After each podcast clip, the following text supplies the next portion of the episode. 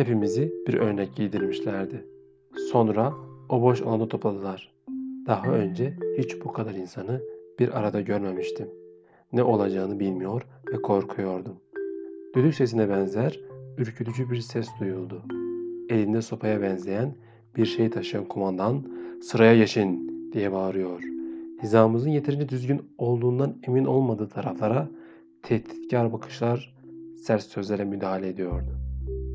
Başka komutanlardan ne olduğunu anlamadığım komutlar yükseldi. Sonra o komutları tekrar etmeye başladık. Bizden yüksek bir yere çıkmış kumandan söylüyor, o ne söylüyorsa biz bir ağızdan. Ardından her yana gramofonun boğuk sesi sardı. Gramofondaki sözleri eşlik etmemiz gerektiğini fark ettim. Bu sözleri bilmiyordum. Ama etraftaki denetmenlerden korktuğum için dudaklarımı oynatıyordum. Bunlar olurken hareket etmemiz yasaktı. Ayakta, dimdik, kıpırdamam durmamız, hiçbir yana bakmamamız gerekiyordu.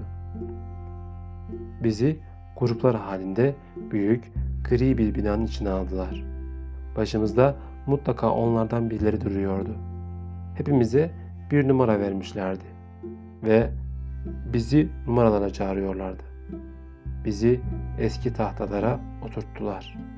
Ayağa kalkmamız, kendi aramızda konuşmamız, hatta tuvalete gitmemiz yine yasaktı. Sürekli konuşan, bize neyi nasıl yapmamız gerektiğini anlatan gardiyanları sessizce dinleyecek, onlar bize bir şey yapmamızı söylemedikçe bir şey yapmayacaktı. Çok sıkılıyordum. Ama sanırım sıkılmak da yasaktı. Sıkıldığım için cebimde bulduğum lastik parçasını ağzıma alarak başım önümde hafifçe sallanmaya başladım. Gözetmen kafama vurdu. Düzgün durmamı yoksa beni pataklayacağını söyledi. Ben de düzgün durdum. Bizi topladıkları o boş alana ara sıra kısıtlı dakikalarda olsa çıkmamıza izin veriyorlardı.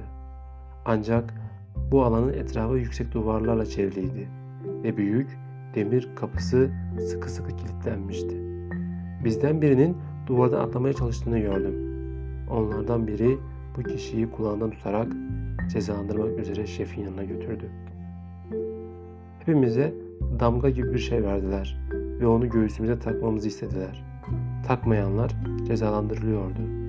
Akşam eve gidince anneme damganın üzerinde ne yazdığını sordum. Mutlu Çocuk İlköğretim Okulu dedi.